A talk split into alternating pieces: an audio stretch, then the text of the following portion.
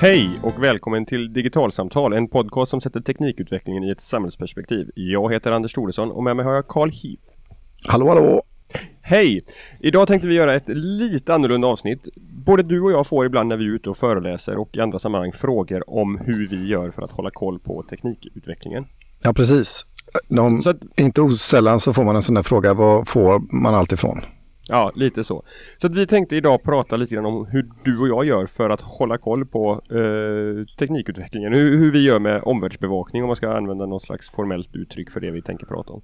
Vi tänkte prata både om vilken typ av verktyg vi använder men kanske ägna ännu lite mer tid åt att tipsa om poddar, webbplatser eh, och så vidare som vi, som vi läser någon gång i veckan eller dagligen beroende på vad det är för typ av material de publicerar. Så att det blir ganska mycket namedropping och allting som vi kommer prata om finns givetvis länkat till i show notesen. Ja men precis. Och jag tänker så här att vi kanske ska dela upp samtalet Anders i två delar. Att vi kan börja med att prata om liksom hur vi går tillväga eh, först mm. och sen så eh, kan vi nörda ner oss i olika typer av eh, innehåll i, i nästa eh, skede. För vi har insett både du och jag att eh, vi, vi har helt olika tjänster helt enkelt för hur vi gör när vi omvärldsbevakar och gör på lite olika sätt. Så jag mm. tänker, jag skickar över bollen till dig först. Liksom hur, hur ser din vardag ut när du omvärldsbevakar? Du är ju ändå journalist och har det här i blodet tänker jag.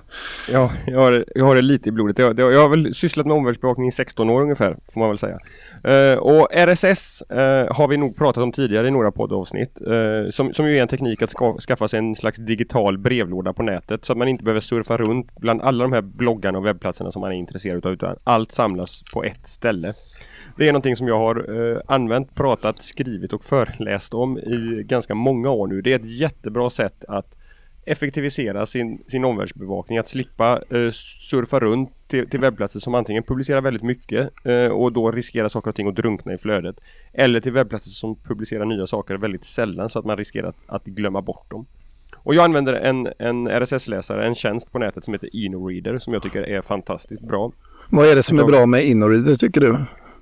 Den har, den har ett par olika funktioner som, som är riktigt, riktigt användbara. Uh, för det första så finns det möjlighet att stoppa in alla sina prenumerationer i olika mappar. Vilket finns i ganska många RSS-läsare.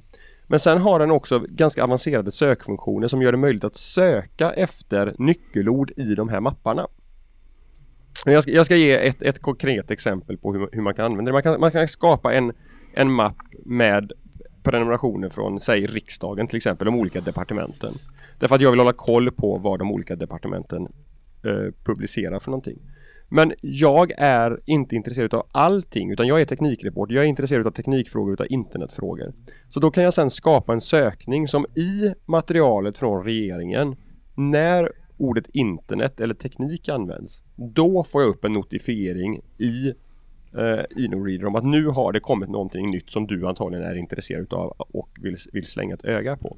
Och det är här jag menar att RSS-läsaren då kan vara en hjälp för att hålla koll på de här webbplatserna som publicerar väldigt så mycket. Den, den sätter liksom ett litet, liten... den sätter liksom ett litet alarm på ett sökord mm. baserat på uh, platser som du själv har valt. Liksom.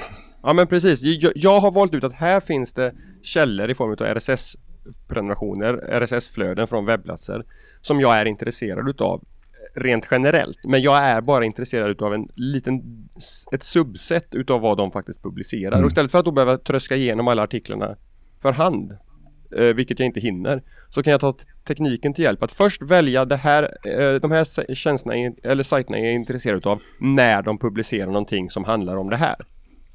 Jag använder liksom också en, en eh, metod. Jag använder också en, eh, en eh, RSS-läsare. Jag var ju en sån här anhängare till Google Reader på den tiden som den fanns.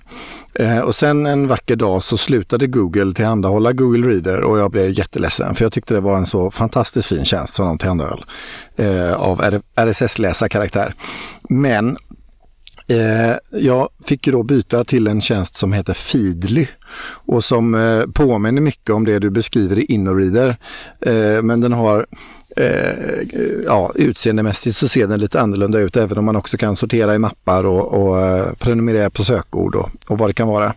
Det som jag uppskattar med Feedly det är att jag kan Eh, etikettera artiklar som jag läser så att de skickas eller får beteenden som som blir eh, mm, särskilda. Så till exempel så sparar jag på vissa typer av artiklar i en Google eh, fil, en typ sån här Google eh, Sheets-fil. Och så fort det är så att det är en artikel som jag läser som jag känner att den vill jag spara i en viss eh, sån här Google Sheet, då klickar jag på den och då sker det automatiskt. Och så i den sheeten så får jag rubriken och en länk till den. Och då får jag ett väldigt lätt sökbart sammanhang i det sammanhanget sen för att använda länkar på olika sätt som jag snabbt vill återvända till. Det finns, det finns en finess till i InReader som, som jag vill lyfta fram som är riktigt bra och det är möjligheten att inte bara prenumerera på RSS-flöden utan det går också att prenumerera på inlägg från eh, sidor på Facebook. Inte grupper men, men, men sidor och det kan man fundera på, men varför skulle jag vilja göra det?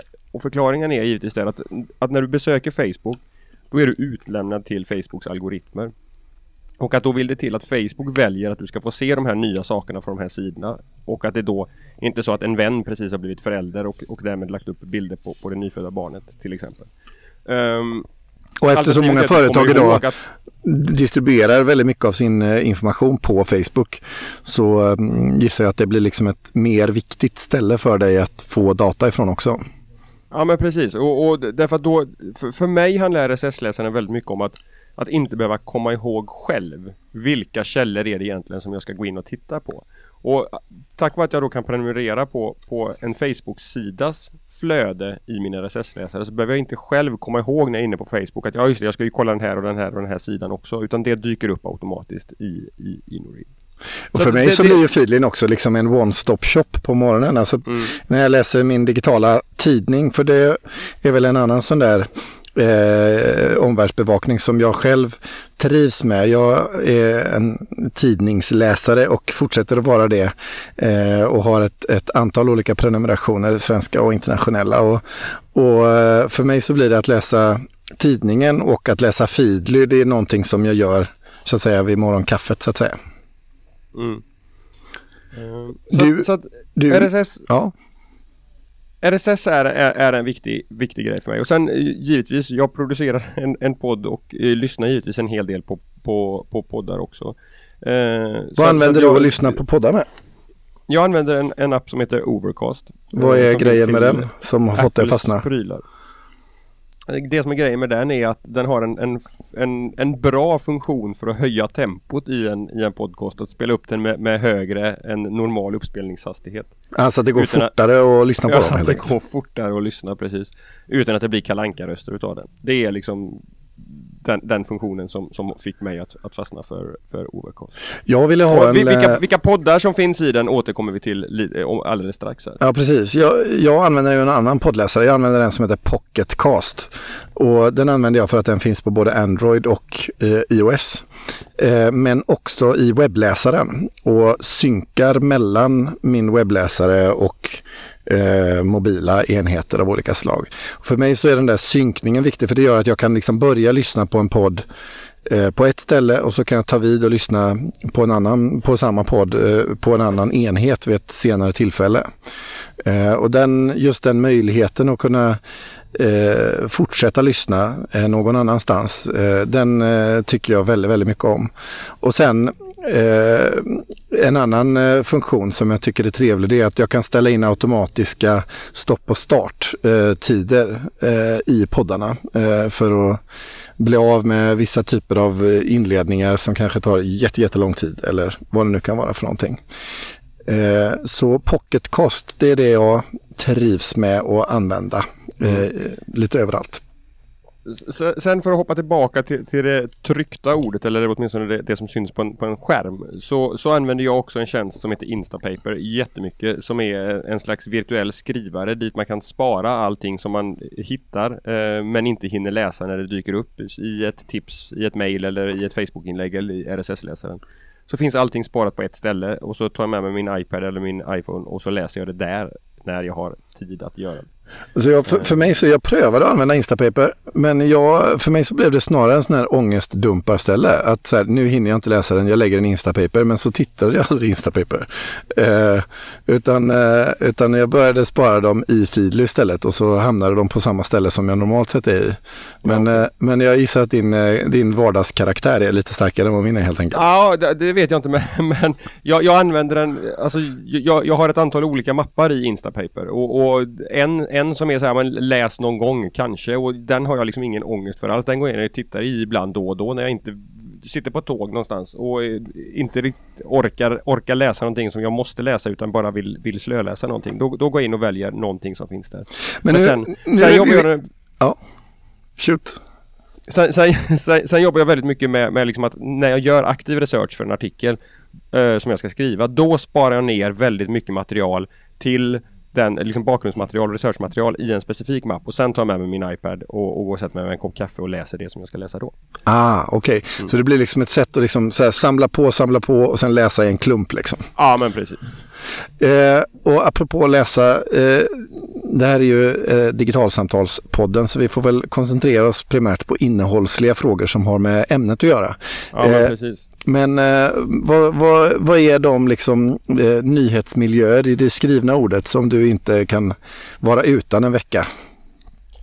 Uh, jag, jag, har fått väldigt stor utväxling på en, en, ett ställe som heter Data and Society som är ett forskningsinstitut snedstreck eh, think tank i, uh, i New York tror jag att de är baserade med, med ett antal rikt, riktigt duktiga forskare som, som tittar på just det som vi vill belysa i, i podden här nämligen hur ja, hur, hur teknikutvecklingen påverkar, påverkar samhällsutvecklingen. Och de gör en hel del seminarier Eh, skriver en hel del forskningsrapporter och eh, gör det på ett riktigt, riktigt bra sätt. Och de finns både i form av eh, ett nyhetsbrev som jag prenumererar på i e-posten och i form av en, en podd där de lägger upp eh, föreläsningar och seminarier som de har eh, arrangerat eh, hos sig i, i poddformat. Det är intervjuer med intressanta personer som har tankar om det här. Det, det är en jättebra källa eh, till, till, den här typen av material. Sen finns det också ett, ett, ett liknande ställe eh, som heter Equal Future som också tittar på, på mycket eh, har varit på sistone bland annat om, om hur man använder algoritmer inom det amerikanska rättsväsendet på olika sätt. Eh, har också ett, ett, bra nyhetsbrev som sammanfattar dels material som de själva har publicerat men också länkar till sånt som har dykt upp i, i media överhuvudtaget. Och det, det där eh, är någonting som, som jag tycker börjar dyka upp mer och mer. Det kanske fanns för ett tag sedan men jag har hittat det igen, nämligen de här som sätter sig i någon slags redaktörsroll. Så är det även, även i Data and Societys nyhetsbrev. Att det är dels information från dem själva men också sånt som de har läst och tagit del av som de tycker är intressant. Som de tror är intressant för sin målgrupp att, att också läsa på läsa. Och då genom att hitta de här nyhetsbreven som, som hamnar om det här ämnet så, så hjälper de mig till att, att hitta saker på andra ställen på nätet som, som är relevant för antingen den här podden, sånt som vi vill prata om här eller sånt som jag skriver om för, för mina uppdragsgivare. Och, och, när det kommer till det skrivna för min del så är det några ställen som jag, eh, ja, men som jag verkligen liksom tittar tillbaka till eh, om efter annan. Och, och, eh, det är ju ganska så liksom, kända outlets men det blir ju oftast eh, hyggligt amerikanskt eller brittiskt. Jag, jag har svårt att eh, liksom, komma förbi Wired till exempel. Eh, det är en, eh, en jättefin fin källa för mig. Eller The Verge och Vox. det är samma företag men olika innehåll. Och den gamla anrika tidningen The Atlantic i USA är också en eh, plats som brukar skriva ganska långa, bra texter om eh, samhällets digitalisering på, på olika sätt. Eh, sen har jag ju en eh, särskild passion för den lite mera nördiga kulturen. Och då hamnar jag i, i att läsa sånt som Core 77 och Tested eh, dig och, och så vidare som eh, handlar mer om eh, makerkultur eller programmering eller eh, design, den typen av områden. Eh, men det blir en hel del morgonläsning eh, via RSS-flöde eh, för mig på det sättet. Och sen när jag är ute och rör på mig, då lyssnar jag på poddar, precis som du gör Anders. Och det finns ett par poddar som, som återkommer för mig eh, mycket. Du nämnde eh, Date and Society. Den är ganska ny för mig, och, men jag, den är verkligt eh, att rekommendera. Eh, men ett, en podd som jag lyssnar på faktiskt varje vardag, det är en podd som heter Daily Tech News Show av en eh, teknikjournalist i Los Angeles som heter Tom Merritt. Och det som är kul med Tom... Som eh, även har varit gäst i podden. Han har varit gäst i våran podd ja. Och det som är kul med eh, Toms podd är att han är helt finansierad av sin publik. Eh, så man betalar via en tjänst som heter Patreon. Och eh, och han eh, har sitt uppehälle ifrån de som lyssnar på honom, vilket gör att det inte är någon reklam.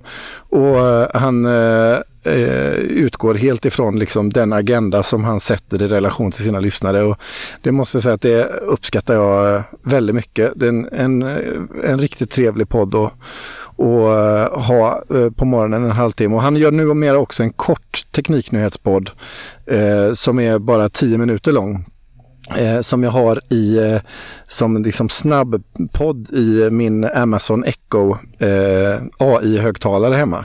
Så jag kan be eh, Amazon Echo att starta eh, min teknikpodd så får jag höra den eh, på det sättet. Så det är extra trevligt. Eh, men sen finns det ett par ställen som eh, liksom har en tendens att nörda ner sig i områdena. Ibland är det inte särskilt spännande just ur det här perspektivet och andra gånger så är det högoktanig information. Och en sån det är podden A16C av Andresen Horowitz eh, riskkapitalbolag som eh, vi också ganska ofta länkar till i, i digital samhällskunskapsgruppen och sådär. Eh, som eh, har ett väldigt brett spektra av innehåll och likadant föreläsningar som kommer ifrån London School of Economics som har en jättefin poddserie eh, eh och där det inte sällan är innehåll som härrör till samhällets digitalisering. Eh, så det är också ett sånt där Eh, trevligt ställe och de brukar ofta vara ganska långa. Det är en sån här lång söndagspromenad att lyssna på ett eh, London School of Economics föredrag. Ja, jag, jag, för, för att hänga kvar på London-temat där så, så, har jag både Chips with Everything som är en podd från The Guardian och en som heter Click från BBC som också är eh, väldigt bra, väldigt, väldigt, eh, de är journalistiska till sin, till sin eh, till sin utformning på något sätt med, med, med traditionella radioreportage fast distribu distribuerad som, som en podd. Och det, det, är ju samma sak där att det, det, är varierande. Ibland är det intressant och ibland är det inte intressant. Men det, ofta är det ganska bra show notes så man vet på förhand om det här är värt att lyssna på eller inte. Um, en, en, ny som jag har hittat heter O'Reilly Data Show som, som handlar väldigt mycket om utvecklingen inom, inom dataanalys. Och de verktyg som finns där med maskinintelligens och artificiell intelligens och så vidare. Så den, den har precis dykt upp i min Overcast-kö och eh, jag hoppas och tror att jag kommer hitta mycket intressant i den. Det finns ju några poddar som är mer av liksom berättande karaktär och som liksom skapar ett narrativ som är lite längre och spännande. Och en sån eh, som också inte sällan har liksom, eh, in, ämnesinnehåll som har bäring på, på det här området. Det är en, en eh, New York-baserad podd som heter Reply All som eh, eh, pratar om eh, liksom samhället och digitaliseringen ofta genom liksom personporträtt eller, eller händelser som har inträffat och som de gör ett liksom djupare gräv i. De hade eh, till exempel en jätte jättebra, eh, ett jättebra avsnitt av eh, Pizzagate-situationen som hände här om månaden där eh, fejknyheter resulterade i en skjutning på en pizzeria och Reddit, det stora forumet på nätet, eh, på, eh, blev alldeles bindgalet i vissa eh, subgrupper och sådär. De lyckades beskriva en ganska så komplex företeelse med många liksom bottnar i på ett, på ett mycket bra sätt. Så är man den som gillar liksom mera berättande radio eller podd så är Reply All eh, verkligen eh, trevligt från Gimlet Media. Sen, sen, om vi bara lämnar poddarna innan jag tappar det, nämligen så skulle jag vilja gå tillbaka till det skrivna och slå ett slag för en plattform som heter, en publiceringsplattform som heter Medium. Som är grundad utav en utav Twitters eh, upphovsmän, Evan Williams, Ev Williams. Som eh, har tagit ganska kraftig fart inom framförallt, tror jag, tekniksfären. Men det, men det kan hända om att här, här, finns liksom kraftiga filterbubblor eller man kan säga på medium. Så att det kan hända att det är väldigt stort i andra nischer också. Men, men där medium har den fördelen att de har personliga rekommendationer. Det går att välja vilka publikationer man ska följa eller vilka enskilda eh, eh, författare som man, som man vill, skribenter som man vill följa. Och sen kan man få dels på deras webbsida ett, ett anpassat flöde men framförallt som, det som, som jag har väldigt stor glädje av är någonting som kallas för Medium Daily Digest som kommer som ett eh, e, e-post varje dag men, men ett urval utav material som de utifrån vad jag normalt sett läser eventuellt kan tänkas vara intresserad av att läsa just idag. Och där jag hittar väldigt, väldigt mycket intressant bland annat om ja, digitalsamtalämnena om, om teknikutvecklingen och, och uh, hur, hur det påverkar allt runt omkring. Vad jag sitter och tänker på det Anders, det är ju saker och ting som vi inte har pratat om. Eh, alltså det finns ju några eh, outlets eh, för eh, omvärldsbevakning som många liksom använder väldigt mycket av. Eh, en sån är ju såklart Twitter.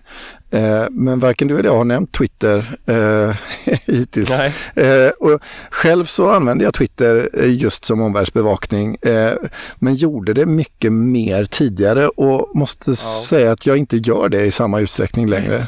Eh, Twitter har tappat klart i, i betydelse för mig också. Nu i början på året efter amerikanska presidentvalet eller framförallt efter 20 januari då, när, när Trump tillträdde så har jag börjat titta på Twitter betydligt oftare igen därför att jag märker att, att då, då kom Twitters styrka tillbaka igen fullt ut med den här realtidsbevakningen och, och många journalister som, som skriver långa Twitter-trådar eh, om, om saker och ting direkt när, när de händer och, och så vidare. Så att för mig så har, har Twitter just därför fått en, en kraftig uppsving igen och det blev liksom det gamla Twitter så som jag hade det glädje av det förr. Eh, men, men precis som du säger, för mig har, har Twitter helt klart tappat i i betydelse. Väldigt mycket också tack vare att, att Facebook har, har faktiskt klivit fram där å andra sidan istället i takt med att, att grupperna har blivit fler och bättre och, och, och, jag upplever att i de grupperna som jag är med i, ett, ett par stycken, där digital samhällskunskap givetvis är en utav dem,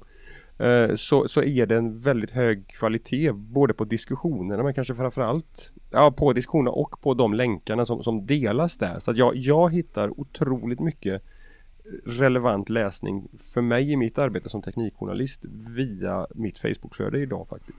Ja, och det, därför jag helt och hållet spegla min egen uppfattning där i, i det du säger. För mig så har eh, Twitter kommit att bli intressant i samband med liksom amerikansk politik just nu. Men generellt sett så använder jag det väldigt lite.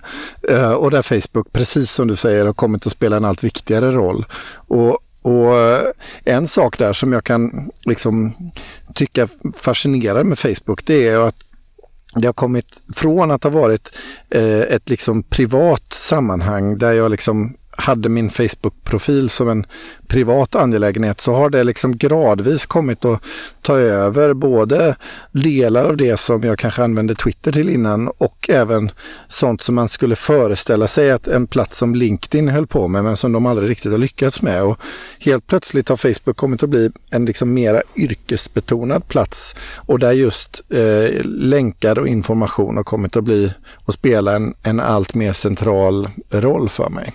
Mm.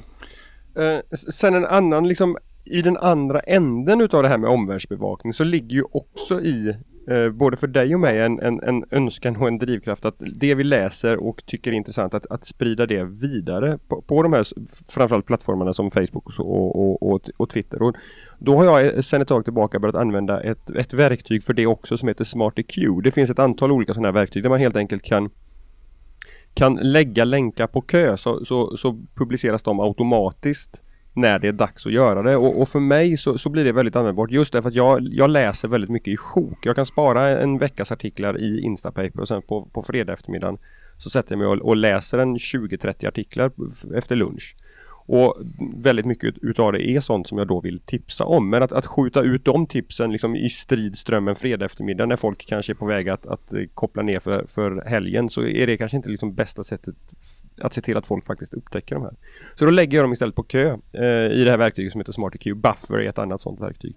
Och sen kommer de eh, publiceras eh, i ett antal förinställda tidsslottar under veckan som följer helt enkelt.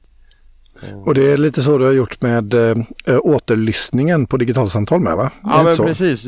Precis, jag använder samma verktyg för det också för att, för att skicka ut en helgrepris varje lördagmorgon och varje söndagmorgon i, i Twitter och på, på vår Facebook-sida. Därför att man kan också lägga upp då så att material återpubliceras. Det är inte bara publiceras en gång som jag gör med de artiklarna utan material som man tycker det här har en längre livstid så kan man se till att det publiceras flera gånger. Så i grunden, alltså omvärldsbevakningen, det handlar liksom de, de viktigare stegen kan man väl säga om man tittar på både ditt och mitt beteende, det är att istället för att surfa runt planlöst på webben och leta information eller att glida i sitt Facebookflöde så använder vi båda två tjänster, både ljudtjänster och texttjänster som aggregerar information och eh, ger dem och presenterar dem till oss i en liksom, systematik på något sätt som gör att man kan sitta ner och konsumera omvärldsbevakning på ett mera eh, effektivt och strukturerat sätt egentligen.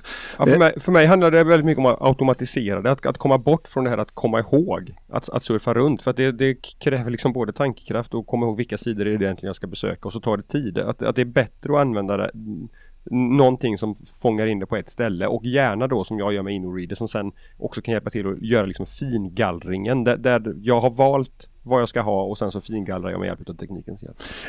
En avslutande reflektion här kan man väl säga det är att både du och jag tillhör ju en 70-talistgeneration och där videoformatet inte kanske är det primära formatet. Nej. Vi har inte heller berört Youtube som omvärldsbevakningsplattform. Men när jag jämför mitt eget beteende med, med eh, mina barns så kan jag ju se att videoomvärldsbevakningen är betydligt skarpare hos dem än vad jag förmår lyckas med. Och, mm. eh, min, eh, min äldsta hittar Eh, information som är relevant för honom via Youtube på ett sätt som eh, jag lite fascineras över. För jag själv inte riktigt är där i hur jag använder Youtube som omvärldsbevakningsplattform. Men, men det är helt uppenbart så att eh, det är en plattform som kommer att spela allt mer roll för många just i, i eh, att se och förstå sin omvärld. Ja, men absolut. Eh, vi hoppas att ni som lyssnar har fått lite tips både om hur man kan göra men också specifika källor att vända sig till. Och vi, vi lägger alla de här länkarna i, eh, i show notesen på eh, Givetvis. digitalsamtal.se. Mm. Och eh, där på digitalsamtal.se så hittar ni också e-postadressen till oss som är podcast.digitalsamtal.se som ni jättegärna får skicka ett mail till om ni har synpunkter på det vi gör eller om ni har några önskemål eller förslag på personer och ämnen som vi kan ta upp i podden. Eh, ni får jättegärna likea vår sida som är Digitalsamtal på Facebook eller följa oss på Twitter som Digitalsamtal. Och jättegärna eh, höga och fina betyg och recensioner på iTunes så att fler hittar till den här podden. Men med det så tackar vi för idag. Hej då! Hej då!